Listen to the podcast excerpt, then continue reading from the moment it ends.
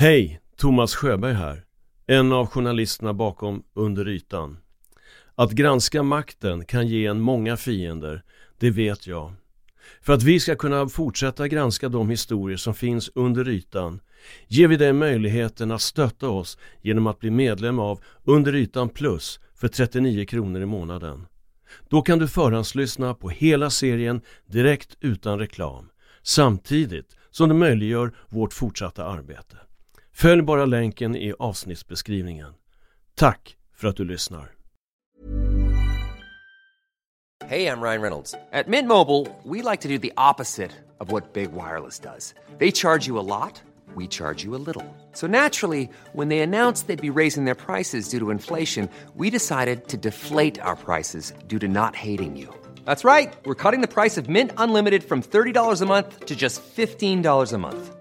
Give it a try at mintmobile.com slash switch. $45 upfront for three months plus taxes and fees. Promo rate for new customers for limited time. Unlimited more than 40 gigabytes per month. Slows. Full terms at mintmobile.com. If you thought the only way to get a more defined jawline with natural looking results was through surgery, think again. Juvederm Volux XC is a non surgical injectable gel filler that improves moderate to severe loss of jawline definition and can help you achieve natural looking results with little downtime. Even better, this improved definition lasts up to one year with optimal treatment. No maintenance required. Improve jawline definition for a smooth, sculpted look with Juvederm Volux XC. For important safety information and to find a licensed specialist, visit juvederm.com. That's J U V E D E R M.com. Not for people with severe allergic reactions, allergies to lidocaine, or the proteins used in Juvederm. Common side effects include injection site redness, swelling, pain, tenderness, firmness, lumps, bumps, bruising, discoloration, or itching. There's a risk of unintentional injection into a blood vessel, which can cause vision abnormalities, blindness, stroke, temporary scabs, or scarring. Talk to a licensed specialist to find out if it's right for you.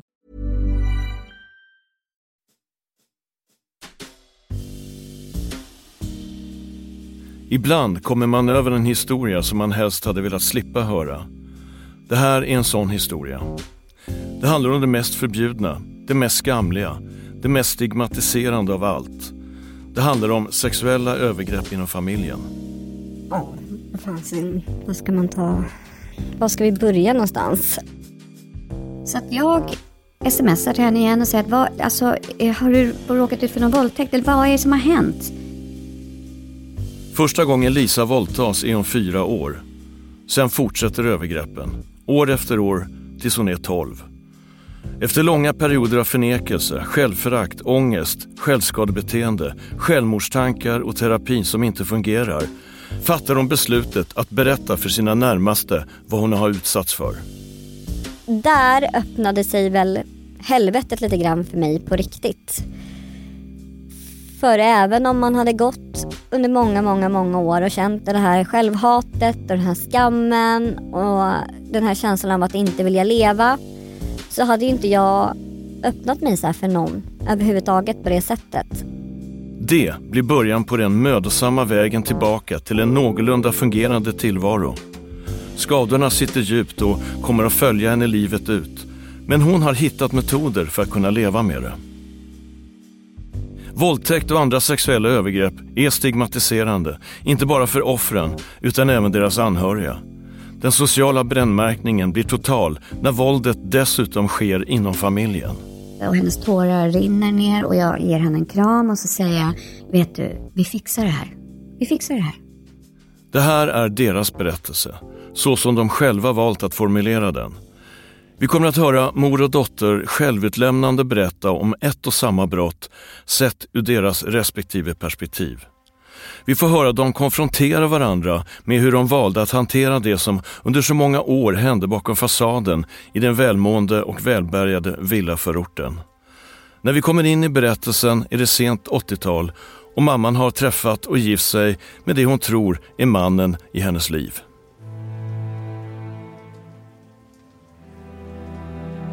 När jag var runt 23 år så träffade jag min exman. Kände direkt att han är bra. Han är bra för mig. Eh, jag var inte jättekär men tillräckligt för att säga ja till att gifta mig. Och som sagt, när jag stod i kyrkan så visste jag redan där och då att jag gifte mig av trygghet. För att få en trygghet. Hur som, eh, åren gick. Vi hade ett jätte, en, en bra relation tycker jag. Bråkade sällan. Han var respektfull och så. Det enda jag hade problem med det var de gånger han drack. Och han var inte alkoholist på något sätt. Men han kunde inte hantera alkohol i den benämningen att han blev otroligt elak när han blev onykter. Eh, han blev, det var verkligen Dr Jekyll och Mr Hyde. Och det var väldigt jobbigt. Så att jag försökte undvika situationer där han drack. Men tiden gick och vi fick ganska snart besked om att vi var gravida. 1991 föds dottern och lyckan ser ut att vara total. Och det fortsatte att gå, åren gick och vi levde som ett, ett, ett övre medelklassliv kan man väl säga. Vi köpte hus i en finare del av Stockholm. Vi flyttade in i husen när fem år. När vi står med flyttkartongerna och packar upp så känner jag att jag kommer inte stanna kvar i det här äktenskapet. För då... För att det kom lite tillfällen där han blev för onykter. Alltså han blev för elak. Och jag minns ett specifikt tillfälle. Han hade varit ute med sina kompisar, eh, kommer hem och är jättefull. Klockan är typ 5-6 på morgonen. Han raglar in i sovrummet och jag vaknar. Och jag ser på hela hans väsen att det inte är läge att säga någonting för att han är inte på det humöret. Precis då så vaknar och kommer in i sovrummet och ska be oss sätta på TVn. Då får hon syn på sin pappa och skräcken i hennes ögon det var där och då jag bestämde för att jag, jag måste skilja mig. För att jag kan inte vara tillsammans med en människa som gör mitt barn så rädd. Där, jag visste ju inte den egentliga anledningen, utan jag trodde ju att det var för att hon såg honom full, eh, att hon blev skiträdd av hans ögon, för han hade fruktansvärda ögon. Samtidigt så visste jag att flyttar jag så kommer hela mitt perfekta liv raseras. För utåt sett så var ju vi jättelyckliga. Eh, vi hade det bra ställt ekonomiskt, vi hade gott om vänner, socialt umgänge, ofta middagar och allt det här som hör det här lyckliga livet till. Och det här minns jag var någon gång på, tidigt på året, det året. Och då säger jag till honom att du, jag vill inte det här längre. Han bröt ihop. Han är den typen som sätter sin kvinna på en piedestal, så han hade väl tänkt att vi skulle vara gifta resten av vårt liv. Men han får mig ändå att lova att stanna kvar några månader till. Så det dröjer sex månader från det att jag uttalar att jag vill ha den här skilsmässan tills jag faktiskt flyttar. Och det var jättejobbigt, därför jag visste att den här skilsmässan skulle bli tuff. Så jag bestämde mig för att inte ta med mig någonting. Alltså jag, han fick behålla villan, han fick behålla aktierna, pengarna på kontot whatever. Jag kände bara att jag tar mina kläder, min del av sängen, min, min säng och eh, flyttar. Mamman, som vi väljer att kalla Marie, tar ett lån för att kunna bygga upp ett nytt liv utan att vara beroende av någon. Han tog inte den här skilsmässan så bra. Han ringde till vänner, bekanta, släktingar och levde djävulen. Han kom och sparkade på dörrar. Eh, ja, det var jätte, jättejobbigt. När han träffar en ny kvinna ser livet ut att återgå till det normala. Då blir han som vanligt igen. Då blir han trevlig, vi börjar umgås. Eh, vi träffas vid alla högtider.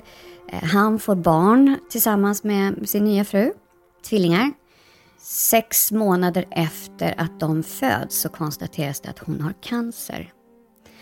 Så då blir det jättejobbigt för, för alla i familjen.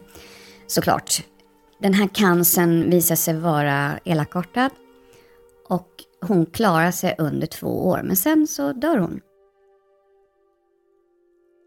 Då är 13 år. Och en dag ringer skolan och säger att de upptäckt att hon skär sig. Jag fattade ingenting. Jag, eh, så jag tänkte givetvis det måste ha med att hon är död och att hon sörjer hennes sätt att sörja. Men det här med skära sig som sagt, jag visste ingenting. Jag eh, är en doer så att jag ringde runt lite grann. Jag hamnade på Karolinska sjukhusets, eh, de har någon borderline-avdelning. pratade med en jättetrevlig sjuksköterska, berättade lite om vår story.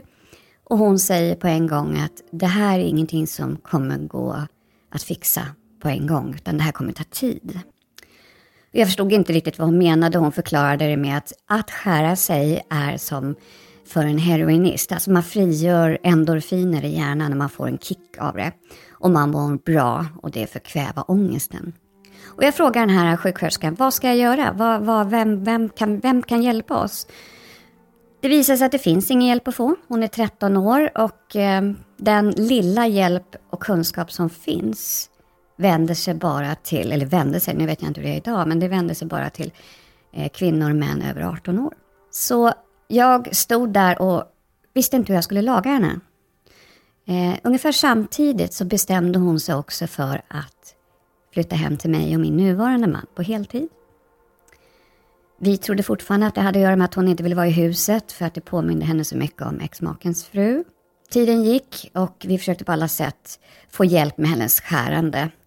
Och till slut fick vi det via en gammal vän till mig som hade varit med om samma sak med sin dotter. Så att jag fick det förklarat för mig att det är liksom ingen idé att plocka bort alla rakblad och sånt man har hemma för att de fixar det på annat sätt. Och det var ju först då jag också upptäckte varför hon hade så himla mycket pennvässar på sitt rum.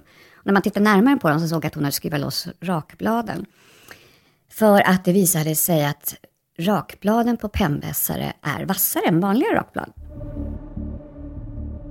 Marie får rådet av en väninna att inte pressa sin dotter på detaljer och anledningen till varför hon skär sig. Utan bara ta det lugnt, vara närvarande och se tiden an. Till sist fick jag tag i en psykolog igen som vi gick till. Hon eh, slutade att skära sig, eller minska ner. Och det var också så att min exmakes reaktion var att först då att ta bort alla knivar, ta bort allting som är vasst hemma. Och så sa jag att är du helt bakom? Hon går ju bara ner på ICA och köper nya rakblad i sådana fall. Så att nej, det kan vi inte göra. Mitt sätt att hjälpa henne blev att jag sa till henne, när du känner att din ångest kommer, kom ner då så gör vi någonting. Du behöver inte berätta att du mår dåligt eller någonting, men kom ner så kan vi spela kort eller vi kan gå på bio eller någonting sånt. Och det gjorde hon. Så att jag märkte då när hon kom ner från sitt rum och inte sa någonting, då, då var det jätteångest. Så att då aktiverade vi henne helt enkelt. Så att det blev bättre. Sen var ju hennes pappa så också att han ville gärna att hon skulle dra upp sina ärmar och visa sina armar för att se ifall hon hade färska spår. Det hade hon ju naturligtvis inte för att hon hade kommit på att det fanns andra ställen att skära sig på. Som på låren, insidan av låren eller på magen ovanför, nedanför brösten skar hon sig. Så hon fortsatte några år med det där, men det minskade. Och hon fick också tag i en otroligt bra psykolog.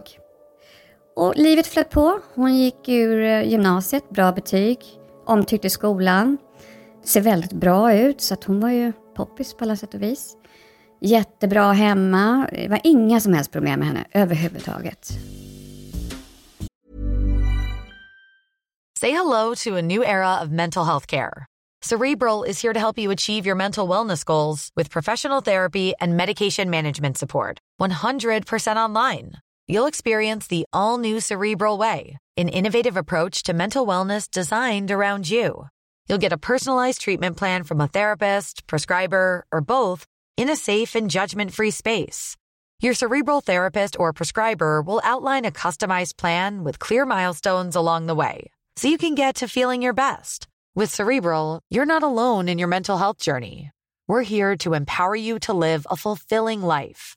So take that first step towards a brighter future and sign up today at cerebral.com slash podcast and use code ACasts to get 15% off your first month. Offer only valid on monthly plans. Other exclusions may apply. Offer ends July 31st, 2024. See site for details. Tired of ads barging into your favorite news podcasts? Good news. Ad-free listening is available on Amazon Music for all the music plus top podcasts included with your Prime membership. Stay up to date on everything newsworthy by downloading the Amazon Music app for free or go to amazon.com slash news ad free. That's amazon.com slash news ad free to catch up on the latest episodes without the ads. Marie och hennes nya make driver ett företag tillsammans där Lisa jobbar extra efter att hon tagit studenten och fortsätter jobba där i flera år. Sen kommer hon en dag i januari Då är hon 22 och 23 år. Och så säger hon, mamma jag börjar gå i terapi igen. Ja men det är väl bra, säger jag. Är det något särskilt? Nej, men, men jag, jag känner bara att jag vill börja gå i terapi. Ja men det är jättebra. Gör det. Och det gjorde hon och jag märker med tiden att hon blir extremt introvert. Jag märker också att hon inte längre åker och hälsar på sin pappa. Som numera har träffat sin tredje fru och har fått ett barn med henne. Vi fortsätter umgås allihopa. Eh, såklart på, vid jular och vid högtidsdagar. Hon blir tillsammans, när hon är runt 21 så blir hon tillsammans med en kille som jag inte alls gillar. Men det kan jag naturligtvis inte säga till henne.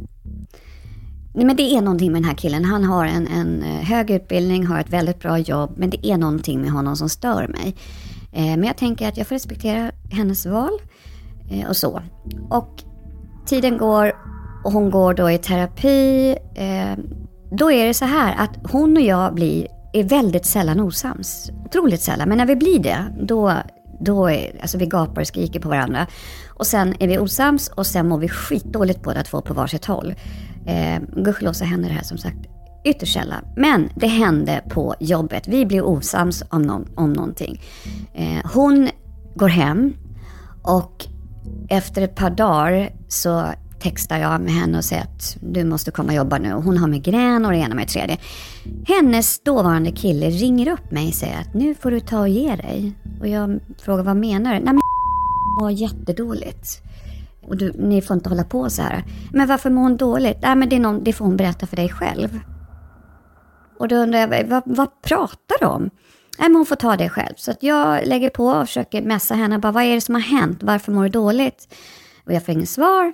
Och det går någon dag till. Och så ringer hennes dumma ex-kille upp igen.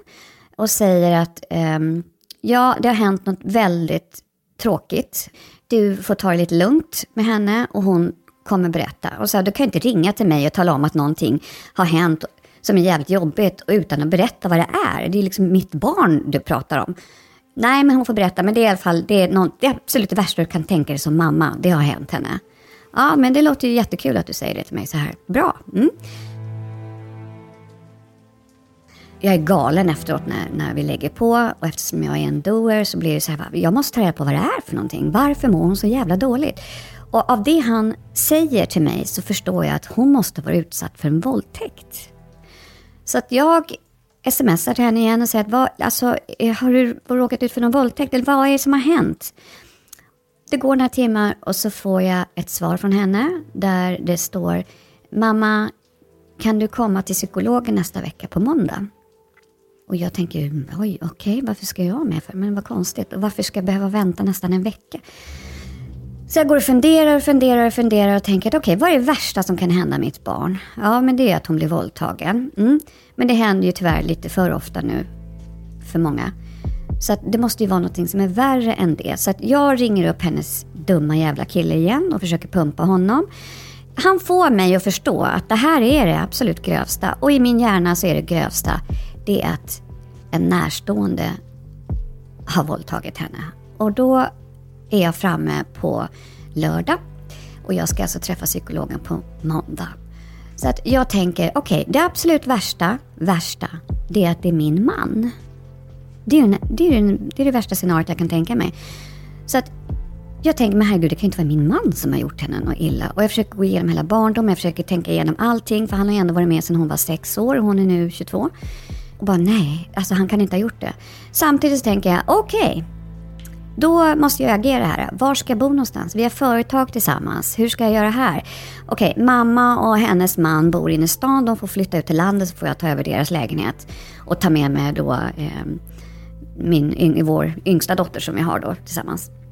Eh, jag gör planen klar och tänker att vad ska jag försörja mig med? Jag har ju drivit eget företag tillsammans med min man i alla dessa år. Eh, okej, okay, jag känner mycket människor, jag får börja dra i lite sådana här kontakter. Så jag ligger vaken hela jävla natten. Och min man tycker att jag beter mig jättekonstigt. Jag vill inte tala om vad det är för någonting. Han fattar ingenting.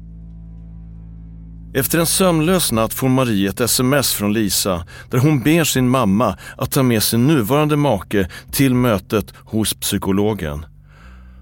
Och Marie inser då till sin stora lättnad att det inte är hennes nuvarande make som är förövaren. Men nu väntar en ännu värre upptäckt. Men så säger jag, okej vad är det värsta då? Vad är det värsta då? Det är ju hennes pappa. Alltså den man som jag ändå har tyckt i alla år har varit en galet bra pappa. Han har varit lite sträng och så, visst, men, och gillar ordning och reda, det gör jag med. Men, men han har ändå varit en bra pappa, han har lekt mycket med henne och allt det här. Eh, han reste väldigt mycket i jobbet, men nej, han var närvarande pappa när han var hemma. Så jag tänker då när jag åker in till det här mötet med psykologen att alltså det är fan inte sant om det är hennes pappa. Marie ringer i panik till sin mamma för att hon nu inser vem förövaren egentligen är. Och det visar sig att Lisa redan berättat allting för sin mormor och hennes man. Och jag blir först väldigt irriterad när jag får reda på det därför jag tänker varför får jag veta sist? Men efteråt berättar Lisa. Därför att du är den svåraste att berätta för. Men i alla fall, jag skriker till min mamma och skriker och skriker. Hon lugnar ner mig och säger att du får vänta tills du kommer dit. Så, och de skulle också med. Nu är alla samlade hos psykologen. Lisa, Marie, mormodern, hennes man och Lisas pojkvän. Och de sitter i en ring. Alla sitter i varsin snurrstol och vänder sig mot mig och säger Ja mamma, du har redan listat ut att det är pappa. Vi har nu hört mammans berättelse och Maries värsta farhågor har besannats. I nästa avsnitt får vi höra dottern Lisas berättelse. Men innan dess, låt oss titta på hur verkligheten ser ut när det gäller sexuella övergrepp mot barn i Sverige. Statistik från Brottsförebyggande rådet, BRÅ, visar att 40 procent av de anmälda våldtäktsbrotten år 2021 var riktade mot barn upp till 17 år. Omräknat till antal fall blir det 3 913 våldtäkter. Av de anmälda våldtäkterna mot barn var 2 639 brott mot barn under 15 år. Och av de anmälda våldtäkterna mot barn 2021 var 91 procent brott mot flickor och 9 procent mot pojkar. Men vilka är det som begår övergreppen? I Brås statistik är 98 av 100 polisanmälda förövare män. Det förekommer också att barn och ungdomar utsätter andra jämnåriga eller mindre barn för övergrepp. Men det allra vanligaste är att förövaren känner den de utsätter och det gäller både för vuxna och barn. Vad säger alla dessa siffror oss egentligen? Ett svar är att det bakom vilken fasad som helst dagligen pågår svåra övergrepp mot barn. Övergrepp som får pågå eftersom många barn väljer att tiga för att de känner en stark lojalitet gentemot förövaren. I synnerhet om förövaren är en närstående vuxen. Andra vuxna i närheten, i familjen eller skolan, väljer också att blunda trots att det finns tydliga tecken hos barnet på mental ohälsa. Skammen och stigmatiseringen är ofta så stor att den i sig kan få nära anhöriga att blunda för att undkomma den sociala brännmärkning som ett avslöjande riskerar att medföra. Sexuella övergrepp mot barn är överhuvudtaget ett stort samhällsproblem men som man samtidigt inte pratar öppet om. Vonsa är en svensk insamlingsstiftelse med en vision om en värld utan sexuella övergrepp. Genom att arbeta med behandling, forskning och utbildning tar stiftelsen fram och sprider insatser som förebygger sexuella övergrepp. Men det går inte, menar Vonsa, att se på någon om den utsätter andra människor för sexuella övergrepp. Den som gör det finns i alla samhällsklasser och i alla kulturer och de har precis som alla andra människor flera olika sidor.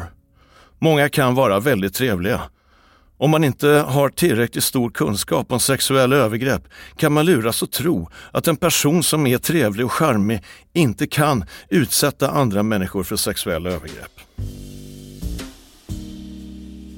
Detta blir tydligt även i vår berättelse, där vi i nästa avsnitt får höra Lisas berättelse om de övergrepp hon utsatts för som barn. Jag har en eh, bakgrund av att eh, blivit utsatt för sexuella övergrepp från att jag var fyra år och framåt. Eh, fram tills någon gång när jag var runt 12 år eh, är väl min uppfattning att det upphörde. Du har lyssnat på första avsnittet av Skammen, berättelsen om ett övergrepp.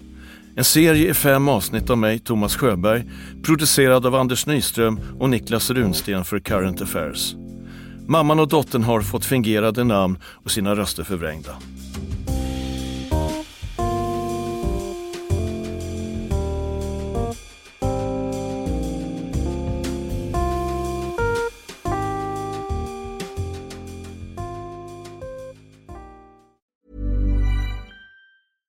Tired of ads barging into your favorite news podcasts?